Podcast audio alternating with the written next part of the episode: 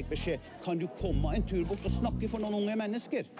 Dette har jeg ventet lenge på å si. Altså, Jesus eh, hadde jo noen klare sosialistiske trekk. Det må det være lov å si.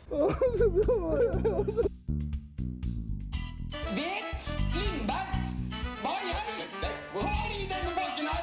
Kampen for den alminnelige stemmerett for kvinner og menn. Neste tilleggsspørsmål er fra Trygve Slagsvold Vedum. Takk for det, president. Men eh, da skal jeg gjennomføre det slaget her. Så dette blir utrolig morsomt. Mitt navn det er Erlend Haukeland Moe, og i studio i dag så har jeg faktisk en gjest. Og Kanskje du introduserer deg sjøl? Eh, mitt navn er Vetle Aa Ellingsen, og jeg eh, studerer IT og har tidligere studert psykologi. Og hvor gammel er du? Jeg er 20 år. Det er riktig.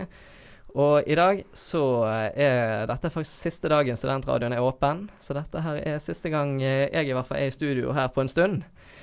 Og vi skal prøve å få til et intervju, holdt jeg på å si, med en fast deltaker over Zoom. Det får vi se om vi klarer. Så uh, profesjonelle er vi ikke. Men i dag så uh, har vi litt diverse å snakke om. Selvfølgelig så må vi jo snakke om korona. Det, vi kommer jo ikke uten.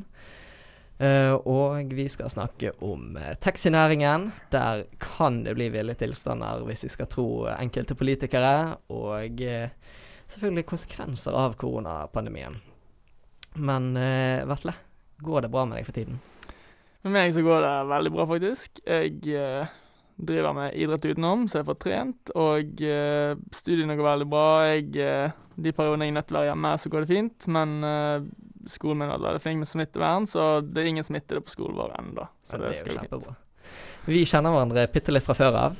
Eh, vi gikk jo faktisk på friidrett sammen før, så vi har jo kjent hverandre en stund. Gått på videregående sammen og alt. Eh, og du var jo egentlig med i studentradioen i sånn eh, en uke, kanskje, for et år tilbake, før du sluttet. Eh, det var ikke fordi du hadde noe imot studentradioen, det var bare mye tid, tror jeg. Det var i hvert fall det jeg husker. Eh, men nå er du tilbake igjen. Jeg har dratt deg inn i studio. Uh, vi sitter her med munnbind og god avstand, så det tenker jeg går bra. Men uh, jeg tenker at vi hører på en liten sang før vi begynner å gå videre med dagens program. Mitt navn er Roger Vallermar, og du lytter på Bakrommet på Studentradioen i Bergen. Da er vi i bakrommet tilbake igjen, og det vi tenkte å snakke om nå, det er koronapandemien. Helt ærlig, det går ikke så bra. det, er, det har vært mye mer smitte i det siste, og hvis jeg får opp tallene mine, så skal jeg se hvor gale det egentlig er. Fordi nå snakker vi i Bergen, vi er såpass lokale. Og i Bergen, så i går, så var det meldt 103 nye smittede.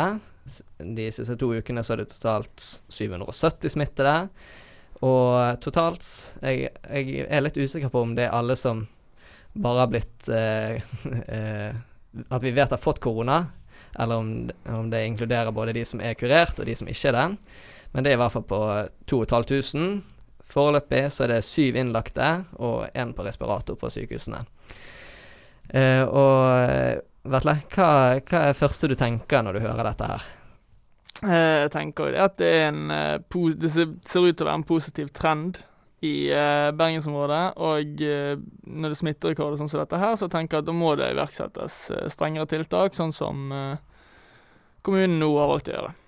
Ja, fordi det, det er jo mye som skjer nå. Og eh, jeg, jeg er ikke helt sikker på akkurat hva det er som skjer. Jeg tror det skal være et øh, pressekonferanse i dag om hva som skal skje. Og det, det jeg tipper som skjer da, det er jo både dette med at det blir mye, mye mindre Eller mye strengere å gå på barer og restauranter. Ting stenger tidligere. eh, Alkoholserver... Eller man stopper å servere alkohol tidligere. Eh, og jeg vil tippe at eh, videregående skoler og sånt får mye mer hjemmeundervisning. Vil tippe at universiteter og høyskoler gjør akkurat det samme. Ikke det jeg går jo på universitetet, jeg har ikke spesielt mye fysisk undervisning fra før av, men eh, det, det er noe sånn det er. Eh, og um, jeg, jeg håper virkelig at dette her fungerer. Og helt ærlig, jeg syns det er litt seint allerede. Eh, jeg syns at dette her skulle kommet mye tidligere. Eh, men jeg er nå veldig glad for at det skjer nå, i det minste. at vi ikke drøyer av mer. Ja, det er nå jeg òg. Jeg synes nå når de første tiltakene kom, at kanskje ja, dette var litt mildt, syns jeg. Jeg føler vi må slå litt hardere ned på det hvis vi skal hva skal jeg si, begrense smitten. Og eh, det er bedre sent enn aldri, da. I min mening. Absolutt. Det er helt sant. Og um, det, det er jo ikke en enkel situasjon for noen, dette her. Og det har jo vært en debatt i det siste om dette her med nedstengning, er det vits i osv., hvor farlig er egentlig koronaviruset er. Og det jeg tenker i hvert fall, det er jo at eh, Foreløpig så vet vi at korona, det er farlig. Det har, jeg tror det siste tallet så har det vært eh, dødsra... Eller antall døde, det er tre ganger så høyt som av vanlig sesonginfluensa. Eh, vi vet at det er farligere enn vanlig sesonginfluensa. Eh, det er ikke ja, du kan jo si noe om at det er ikke så mange som er smittet, men selvfølgelig ikke. Når vi har hatt den heftige nedstengningen i mars som vi hadde, selvfølgelig er det ikke så mye smitte da. Det føler jeg at det er mange som glemmer. Eh, og selvfølgelig Stengning av Norge sånn som vi har hatt, det er jo Det er jo drastisk, selvfølgelig. Eh, vi har jo ikke hatt eh, sånne tiltak siden andre verdenskrig. Og eh, Vetle, syns du det er problematisk å ha sånne nedstengninger? Ja, jeg vil først og fremst vil jeg si det at det som gjør korona farlig, er vel egentlig ikke dødsraten for meg. Jeg vil heller si det at det er smitten, at den er veldig ukontrollerbar, som da kan gjøre veldig vanskelig å spore når det sprer seg fortere enn vi kan klare å følge med på. Eh, og for å svare på spørsmålet ja, jeg mener at uh, dette er nødvendig å stenge ned sånn som vi gjør nå. For hvis smitten sprer seg helt ukontrollert, så vil ikke vi kunne ha kontroll på hvem som er smittet, og hvem som ikke er det. Vi vil ikke kunne teste nok mennesker. Vi tester veldig mange nå, men uh, jeg tror ikke at Jeg tror hvis det får spre seg såpass mye som det har, potensielt kan gjøre, så vil det være enormt høye mørketall som vi ikke kjenner til. Ja, ja ukjent smittevei. Ja, ukjent smittevei. Ja, og fordi Så klart, en sånn nedstengning det har selvfølgelig økonomiske konsekvenser, og det skal vi snakke mer om etterpå. Men det jeg tenker nå, det er jo at um, det, det, er litt det samme med miljøsaken egentlig òg. At ja, det koster å deale med det nå, men jeg tror at det kommer til å bli mye dyrere hvis vi ikke gjør det nå. Og hvis vi bare lar det komme ut av kontroll. Og som du ser i mars, altså selvfølgelig, da hadde vi jo mye mindre kunnskap. Altså Vi visste jo ikke om dette her var litt farlig, om det var kjempefarlig, eller om det var det verste vi noensinne hadde sett. Men allikevel eh, jeg, Hvis vi klarer å nå Fordi, som vi sa i sted, eh, det er jo en positiv trend oppover. Det er mange som blir smittet, og det er jo selvfølgelig det vi skal se på. Hvis det hadde duppet nå, så hadde det vært positivt, men at vi må treffe den toppen så fort som mulig, og så, når den går ned igjen, da kan vi heller slappe eller senke skuldrene igjen. Men en annen ting jeg tenker er at jeg har sett veldig mye på spesielt Facebook i det siste, med folk som er veldig kritiske til denne nedstengningen. Og um, selvfølgelig, jeg skjønner det. Altså det Selvfølgelig påvirker deg kjempemye om du mister jobben, eller om du blir permittert, om du ikke får gå på jobb, om du uh, er nødt til å være hjemme hele tiden. Men de som har hørt på bakrommet, og de som kjenner meg, de vet kanskje at jeg er veldig fan av borgerlønn. Og det er noe jeg sier ikke selvfølgelig at borgerlønn hadde løst hele problemet, det, det påstår jeg ikke. Men allikevel, det tenker jeg hadde hjulpet kjempemye. I hvert fall rent sånn økonomisk for folk flest. Ja, akkurat nå så kunne jo det vært noe som hadde løst. For, noe, for at folk skal få den støtten fra staten, kan ta flere måneder i etterkant. Og det først, da er det mange som allerede er tilbake i jobb, og da vet jo ikke jeg hvor mye det hjelper å få de pengene. Når, altså Selvfølgelig vil jo det hjelpe, men det vil ha mye mer effekt av å kunne få det med en gang, som f.eks. hvis borgerlønn hadde vært fast i hver måned eller hver uke, eller hva. Ja, altså, det hadde ikke vært snak snakket om. Altså, mm. systemet var der fra før av, da. Men uh, allikevel, hvis vi skal oppsummere Korona, i hvert fall i Bergen, og uh, i Oslo er jo tallet enda høyere, har jeg lest. Eh, oppover trend. Ikke, ikke bra. eh, forhåpentligvis får vi en uh, ny nedstengning. Forhåpentligvis ikke like heftig som i mars, da. Men selvfølgelig, det skal jo stå i, uh, stå i forhold til smittetallet og hvor farlig viruset er. Men helt klart, jeg syns ikke at denne nedstengningen kommer en dag for seint, eller en dag for tidlig. Kanskje et par dager for seint. uh, men jeg tenker at uh, vi tar en uh, rask pause før vi snakker mer om hva vi tror konsekvensene av dette kommer til å bli. Hei, jeg heter Tobias Strandskog, og hver fredag hører jeg selvfølgelig på Bakrommet. Da er vi i bakrommet tilbake igjen, og eh, nå så skal vi se om eh, vi har fått med oss Ulrik. Og Ulrik, hører du oss? Nei, det var veldig lite fra Ulrik. ja ja. Eh, da får jeg rette spørsmålet til deg da, Vetle. Eh, og hvis vi skal begynne på samfunnsnivå, hva, hva tror du eh, de store konsekvensene av eh, både koron, altså selve viruset, men òg nedstengningen av samfunnet som vi tydeligvis er i gang med nå. Og nå tenker jeg spesielt på sånn reiselivsnæring og eh, serveringsnæring, da. Ja, jeg føler at dette her er noe som går utover hovedsakelig hva skal jeg si, to deler av samfunnet. Du har jo den økonomiske delen, så har du den pers altså persondelen, altså personer som blir påvirket. Uh, og de går jo litt inn i hverandre. Men uh, hvis vi først skal snakke om den uh, hva skal jeg si, reiselivsbransjen og restauranter og utelivsbransjen, så vil jo de få I hvert fall i sommer så vi det at blant andre restauranter og sånn fikk faktisk noen, eller i hvert fall noen restauranter, fikk en ganske mye større omsetning enn det de vanligvis hadde hatt på somrene. Grunn av folk valgte å reise på norgesferie. Men nå kommer vi til en periode der det er som regel bare nordmenn som bor i byer og sånn, som går på restauranter for å spise, og går på utesteder. Uh, og da tror jo jeg at dette her er noe som vil kunne få negative konsekvenser. Jeg tror de fleste vil si det er ganske kjipt og vil tape ganske mye på nedstenging igjen. Og ja, en, en annen ting, det er jo spesielt på, på individnivå, og det er jo et fenomen som uh, kalles ikke mindre enn hikikomori. Det, det, er et japansk ord. Jeg er ikke nok uh, japaner, så jeg klarer ikke å uttale det riktig. og ordet, det har jo stort sett blitt brukt om Hva skal vi si Unge menn stort sett, som har isolert seg på rommet sitt, og egentlig kun lever gjennom datamaskinen, og ikke noe mer enn det. Jeg tenker at dette her, det er jo relevant for koronapandemien, fordi eh, når vi stenger ned samfunnet, så blir jo det Det blir jo isolasjon. Altså alle blir faktisk pålagt å isolere seg hjemme. Eh, og jeg, jeg, jeg vet ikke så mye om det har påvirkning på de som allerede gjør sånt. Men det kan jo være at det gjør det enda vanskeligere å komme ut av det. Fordi det, det er jo åpenbart ikke spesielt bra eh, at folk isolerer seg helt sjøl.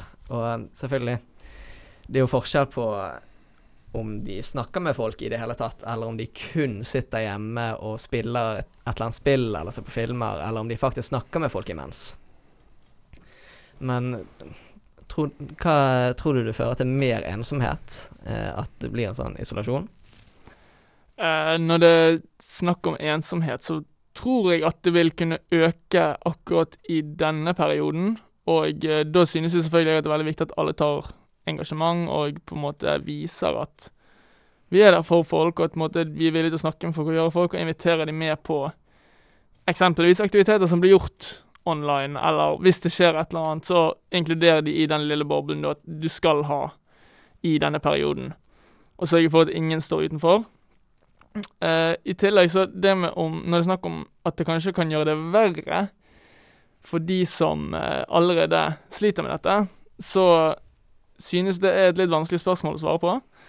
Fordi det er greit at kanskje flere havner i denne situasjonen, men det er jo òg flere som er på nettet på denne tiden, som gjør at du har flere muligheter til å snakke med folk. Hvis det er det som er problemet, at du ikke har noen å snakke med, og du ikke tør å gå ut, og du får heller ingen å snakke med online hvis du kan si det sånn. da. Ja, fordi jeg, jeg tror jo vi er i en overgangsperiode, helt klart. Uh, og dette her med f.eks. Uh, Zoom-møter i stedet for å treffes, uh, uh, eller bare ta det over telefon òg. Altså, denne teknologien har jo virkelig blitt pushet nå fordi det har vært behov for det. Og digital undervisning, f.eks. Altså, altså, jeg elsker jo å være i klasserommet eller være i forelesningssalen når det er forelesning, og høre på foreleser og kunne stille spørsmål underveis. Jeg elsker jo det. Men allikevel så er det jo digg hvis jeg f.eks. er syk, eller hvis jeg av en eller annen grunn ikke kan komme på forelesning, og så kunne se den etterpå. Uh, og jeg vet i hvert fall at jussen har et eller annet sånt, men HF har i hvert fall ikke hatt det før nå.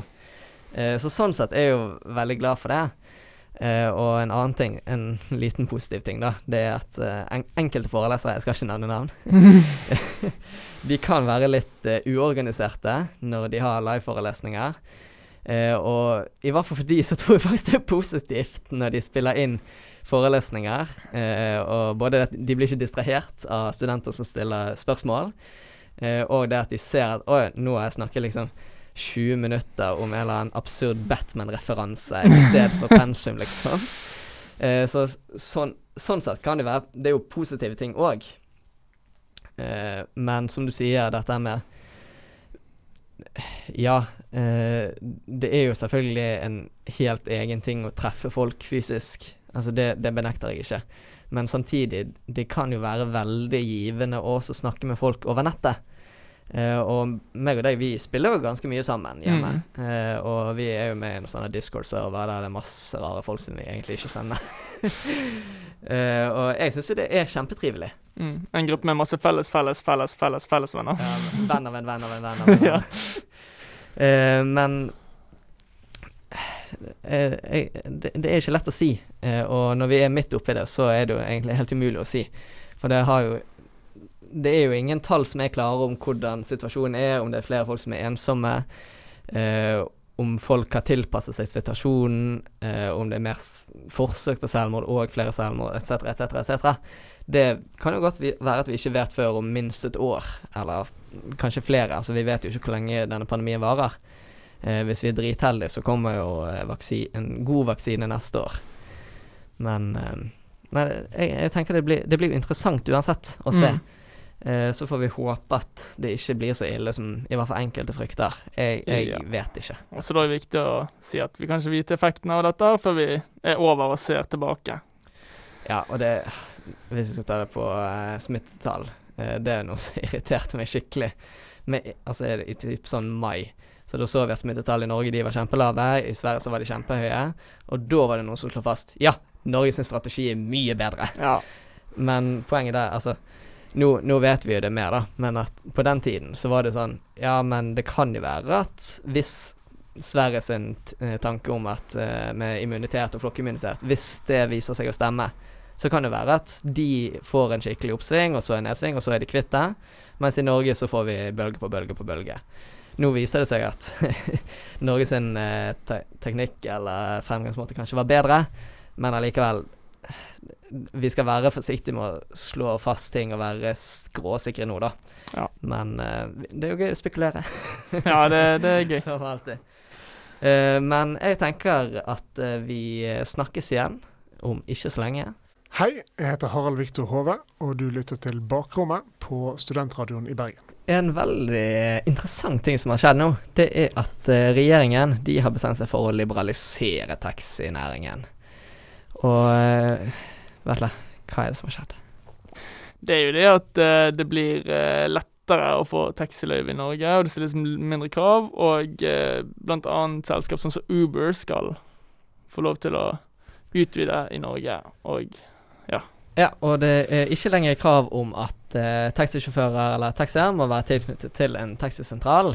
Uh, og som du sier, uh, dette er jo egentlig bare en tillatelse for at Uber kan komme i Norge. Eh, Uber har jo fantes en god stund nå i andre land, spesielt i sånn type USA og Storbritannia, men de har ikke fått lov til å eh, åpne i Norge.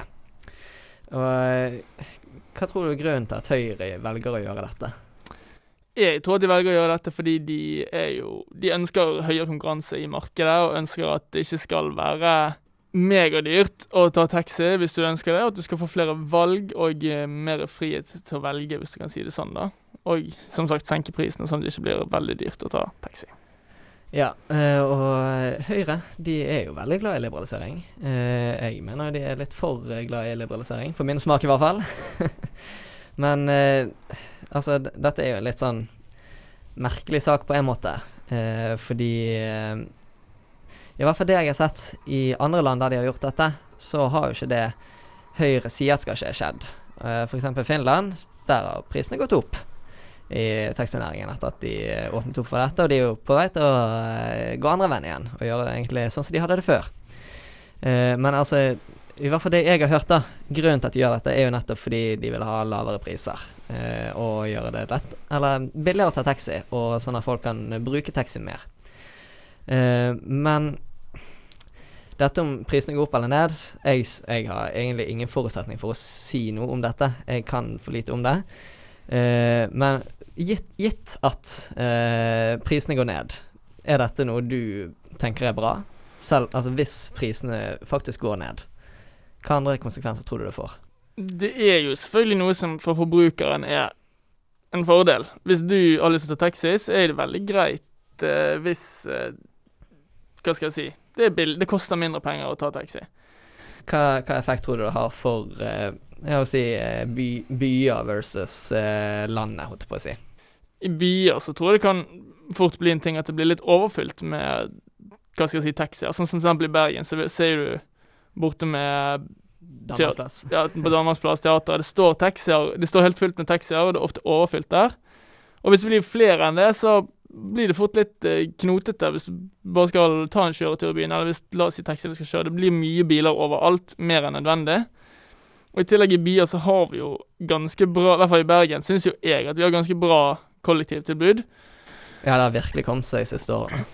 Ja, så det er jo Men som sagt, på landet, eller på, på ute Distriktene. i distriktene, så er det ikke såpass bra tilbud. Og da kan det at det er en fordel at det er mye lettere for noen å f.eks. ha det som en andre jobb, eller å kunne få kjøre. Så jeg synes, eh, i hvert fall sånn tiltakene ser nå, så synes jeg at de burde heller være litt strengere i byene, og kanskje være litt snillere i distriktene. Ja, men eh, noe av det som jeg tenker kan, altså, kan være problematisk i distriktene, det er jo at dette fører til at eh, de få som faktisk er taxisjåfører, altså på fulltid, de slutter. Fordi for eksempel i helger, da vil jeg tenke at mye folk er ute og drikker og ikke har mulighet til å ta noe buss hjem, og der er de, er de nødt til å ta taxi. Men da kommer masse folk som bare skal ha det på en sidejobb, eller de har en helg ledig, eh, ikke skal noe, og så tenker jeg ja, fett, jeg kan eh, bruke Uber liksom og tjene litt, litt i helgen. Eh, og det jeg tenker er at hvis, hvis det skjer dette her, at eh, det å faktisk jobbe som eh, taxisjåfør på heltid ikke blir lønnsomt, så altså da eh, frykter jeg at altså da, da slutter de bare, og så er det egentlig bare taxi hvis du er heldig. Eh, I hvert fall i ukedager. Altså i helger kommer det sikkert alltid til å være så lenge det er folk ute på byen. Men faren er jo det at altså, pasientreiser f.eks. til sykehus, at det går eh, rett til dundas. eh, eller hvis du skal hvis, hvis du rett og slett ikke kan kjøre bil, eller ikke kan kjøre buss av eh, forskjellige grunner. Eh, men en annen ting, det er jo selvfølgelig taxisjåførene sjøl. Altså hva, hva konsekvenser har det for de? Og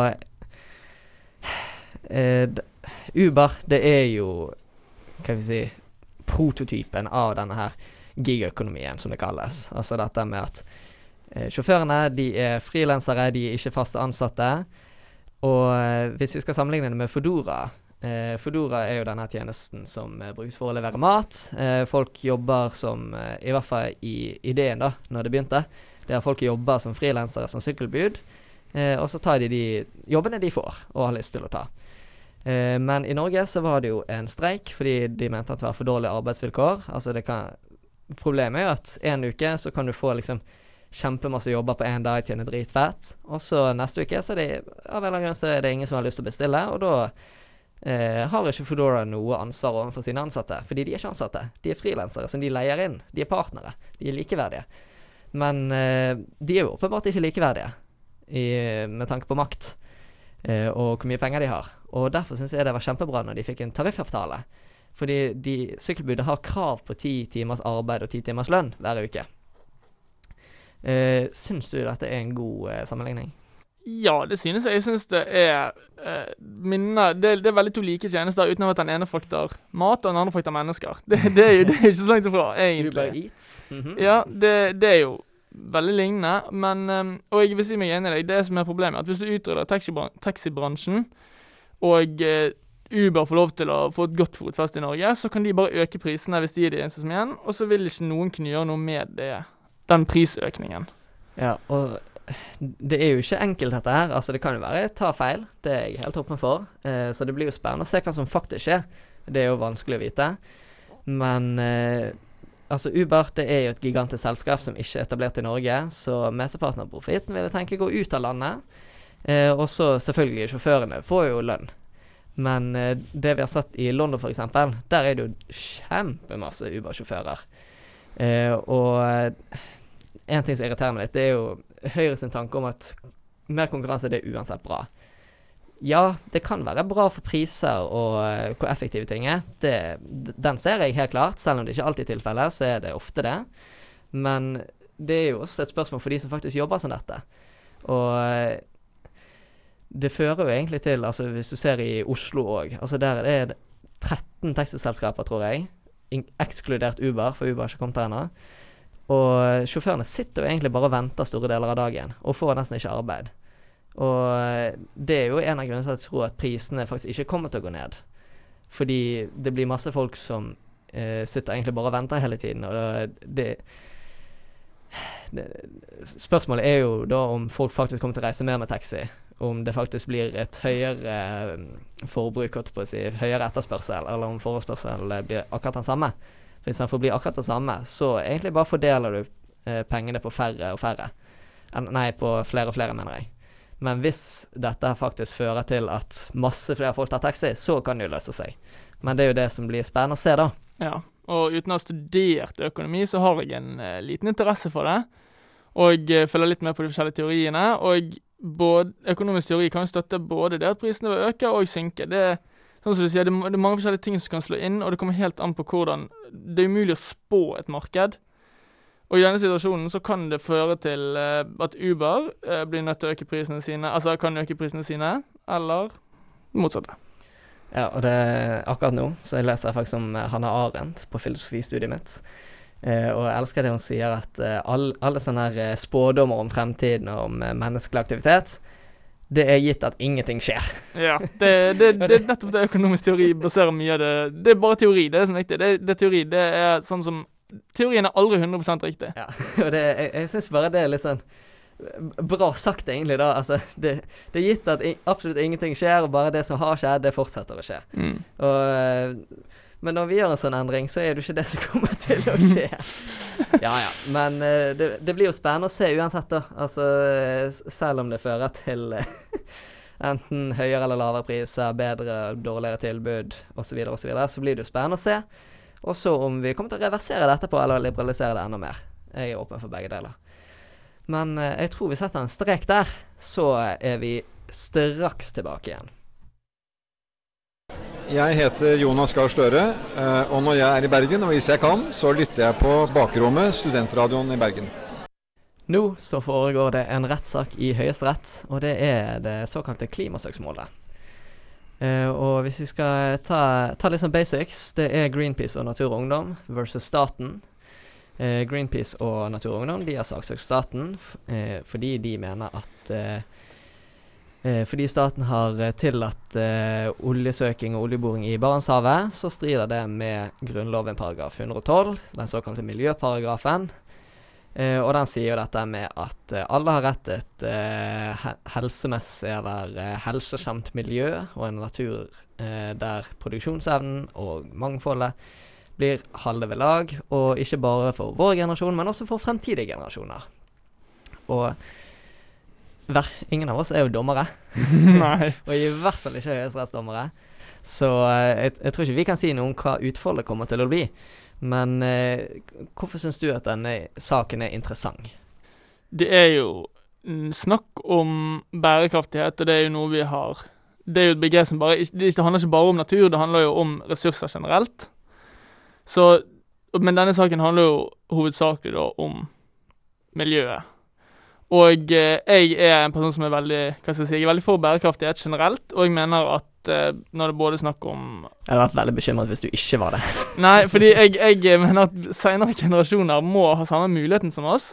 Og da er det både snakk om ressurser, det er snakk om, og det er snakk om miljøet. Og de skal ha Jeg er veldig for at de skal ha samme rettigheter som det vi har uh, om 30 år, eller om 50 år, eller om 100 år. Ja, og en annen viktig ting her, det er jo altså noe av grunnen til at dette er oppe i Høyesterett. For det har jo både vært i tingretten og lagmannsretten, og så har det blitt anket begge ganger, og nå helt oppe i Høyesterett. Og et av de sentrale spørsmålene i denne saken, det er jo dette med juss og politikk. Eh, og hvor mye innvirkning de skal ha på hverandre. Og det er jo dette med maktfordeling. Det er jo kjempeviktig mellom den dømmende og den lovgivende makten i Norge. Og de som ikke vet, for de som ikke vet, Høyesterett eh, de tar jo stort sett saker som eh, handler om prinsipielle ting, der det ikke er såkalt rettspraksis fra før av. Altså der det ikke har vært eh, lignende rettssaker før, og så bestemmer Høyesterett da eh, egentlig hvordan fremtidige dommer kommer til å gå, da. For hvis nå eh, staten faktisk blir dømt, så setter det jeg, vet ikke om presedens er det riktige ordet, men det setter jo liksom et prinsipp at jo standpunkt. Det, ja, ja, altså det setter et prinsipp om at ja, dette her brøt faktisk med Grunnloven. Det er ikke lov å gjøre dette her ifølge Grunnloven. Og det er jo litt det dette her går ut på, da. Og hvis eh, saken ender egentlig akkurat sånn som den gjorde i tingretten og i lagmannsretten, så eh, ser det ikke så lyst ut for de som har lyst til å stoppe oljeboring eh, og stoppe leting etter ny olje. Og så selvfølgelig det motsatte. Hvis staten faktisk blir dømt her, eller Greenpeace og Naturogn vinner, så kommer det mest sannsynlig ha veldig mye å si for eh, spesielt norsk petroleumsindustri i fremtiden. Eh, og det Natur og Ungdom og Greenpeace eh, hva skal jeg si, deres eh, hovedargument, det er jo dette her med at eh, åpningen for petroleumsvirksomhet i Barentshavet som skjedde i 2016, det er ikke forenlig med denne rettigheten til et miljø som sikrer helsen. Eh, og dette med ressursbruk både for oss og for fremtidige generasjoner. Altså Du sa dette i sted med fremtidige generasjoner.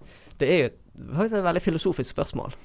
Eh, og det blir faktisk diskutert ganske mye i filosofien, dette med verdien til fremtidige mennesker. For det er jo mennesker som ikke er født ennå. Mest sannsynlig ikke påtenkt engang. Har de samme rettigheter som oss? Eh, og du sa vel at ja, de har faktisk rettigheter. Ja, det er jo sånn at de finnes ikke, hvis du kan si sånn. Mange av de menneskene de finnes ikke ennå, men en ganske så stor garanti det at disse menneskene kommer til å finnes. Jeg kan selvfølgelig ikke garantere noe, men det kommer til å finnes mennesker. Det kommer til å finnes mennesker, og da synes jeg at vi skal ta utgangspunkt i at vi er bortimot 100% sikre på at om 100 år så kommer det fortsatt til å gå mennesker på denne jordkloden. Gitt at det faktisk er et levelig miljø?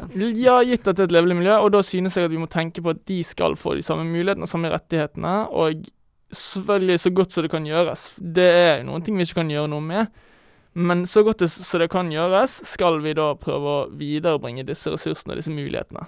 Ja, og en annen ting som er veldig sentralt i ikke bare denne rettssaken, men egentlig miljøpolitikk generelt, det er jo dette her med Hvem er det som egentlig har ansvaret for dette? Fordi noen de påstår jo at ja, men Norge det er bitte lite. Vi produserer nesten ikke noe olje hvis vi sammenligner med andre store land som eh, typ USA, Saudi-Arabia og eh, Venezuela. Og ja, det er jo sant. Eh, og så er det noen som mener at ja, det spiller ingen rolle, men vi har tjent oss steinrike på å slippe ut sinnssykt mye. Og mener da at eh, land som Norge og egentlig Storbritannia og industrialiserte land i Europa generelt burde ta et mye større ansvar, fordi vi historisk sett har brukt mye mer forurensende ressurser enn land som nå er liksom i gang med prosessen å industrialisere seg. Og det er jo Jeg syns ikke dette er en enkel sak. Langt ifra. Nei, og i tillegg til det du sier, så er jo det sånn at uh, land som Saudi-Arabia har jo vist seg at de har vist villighet til å bytte over til litt grønn energi. Og uh, i tillegg så er det òg sånn at hvis Norge velger å fortsette, men alle de andre landene velger å slutte, så vil jo dette se veldig dårlig ut i et større perspektiv. At alle ser på Norge Oi, dere slipper ut utrolig masse men uh, så skal ja. vi lide for det? At vi ikke får lov til å slippe ut eller ta altså, opp noe olje? Hvis verdens rikeste land ikke kan klare det, da kan ingen klare det, liksom.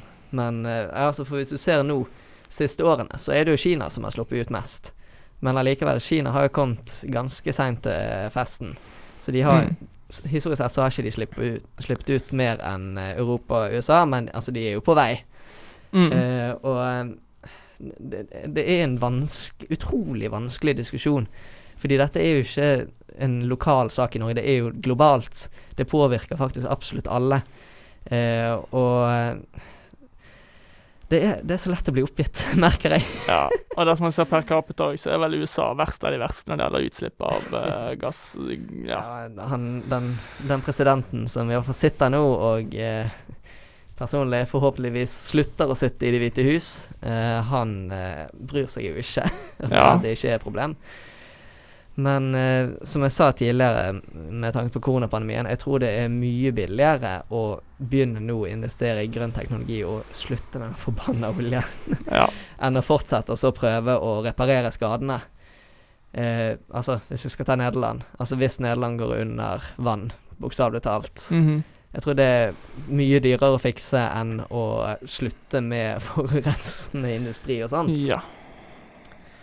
Men eh, foreløpig så har vi jo fortsatt en borgerlig regjering som eh, foreløpig i hvert fall fortsatt liker olje. Og største opposisjonspartiet de virker ikke som de er så motiverte til å slutte heller. Noe som irriterer meg litt, Arbeiderpartiet. Men eh, det, det blir jo en spennende sak, denne eh, saken i Høyesterett, å se hva som faktisk skjer. Og jeg tror det kommer til å ha mye å si for eh, norsk petroleumsvirksomhet. Og eh, hva, håper du på? Nei, jeg, tenker, eh, jeg mener at det er bedre å være på den sikre siden, og jeg vil si at det å være grønn er skjønn.